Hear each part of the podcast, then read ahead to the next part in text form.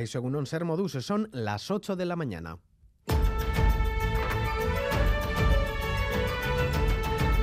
Crónica de Euskadi con Lier Puente.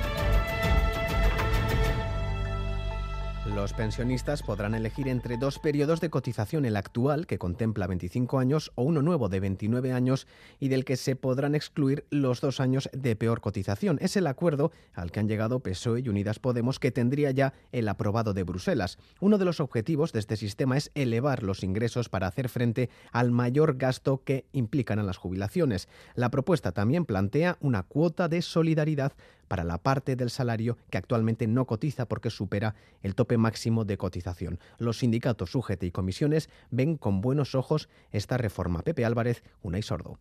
Las cosas que he podido leer suenan bien. A mí me parece que vamos en la buena en la buena dirección. Yo creo que es un gran paso. El cambio de paradigma es radical. Lo que pasa que no quiero especular más hasta no dar recorrido a la negociación pero las organizaciones empresariales COE, CEPIME y IATA han expresado ya su frontal oposición a la reforma de pensiones. Acusan al gobierno de tener una voracidad recaudatoria.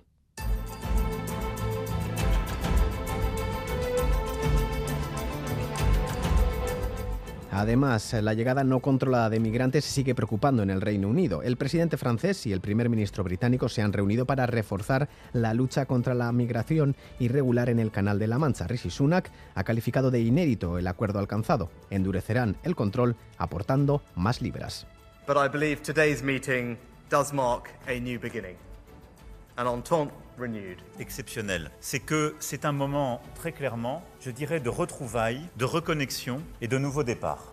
Les contamos también que el Papa Francisco ha abierto la puerta al matrimonio de los sacerdotes. Asegura que el celibato de los sacerdotes podría revisarse. No hay ninguna contradicción para que un sacerdote se pueda casar. El celibato en la Iglesia Occidental es una prescripción temporal.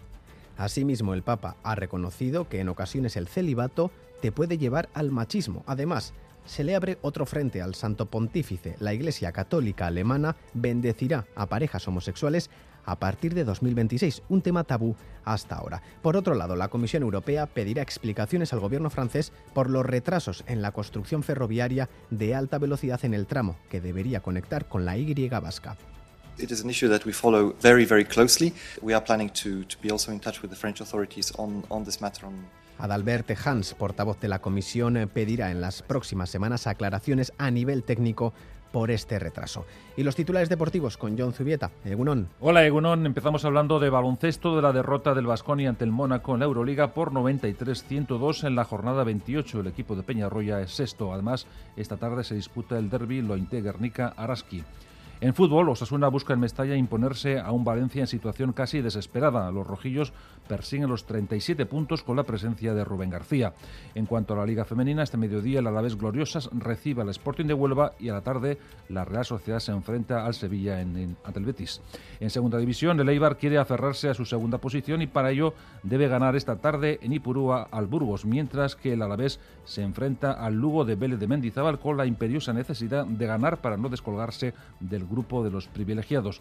En pelota, la Liga de Semifinales del Mano Parejas vive hoy su inicio con el partido que se va a celebrar en el Labrit entre el y Zabaleta ante Peña y Mariz Currena. Y por último, dos notas más, como es la retirada de John Ram del torneo de Players por un problema estomacal y las dos medallas de plata de Euskal Selección en los Mundiales de Socatira.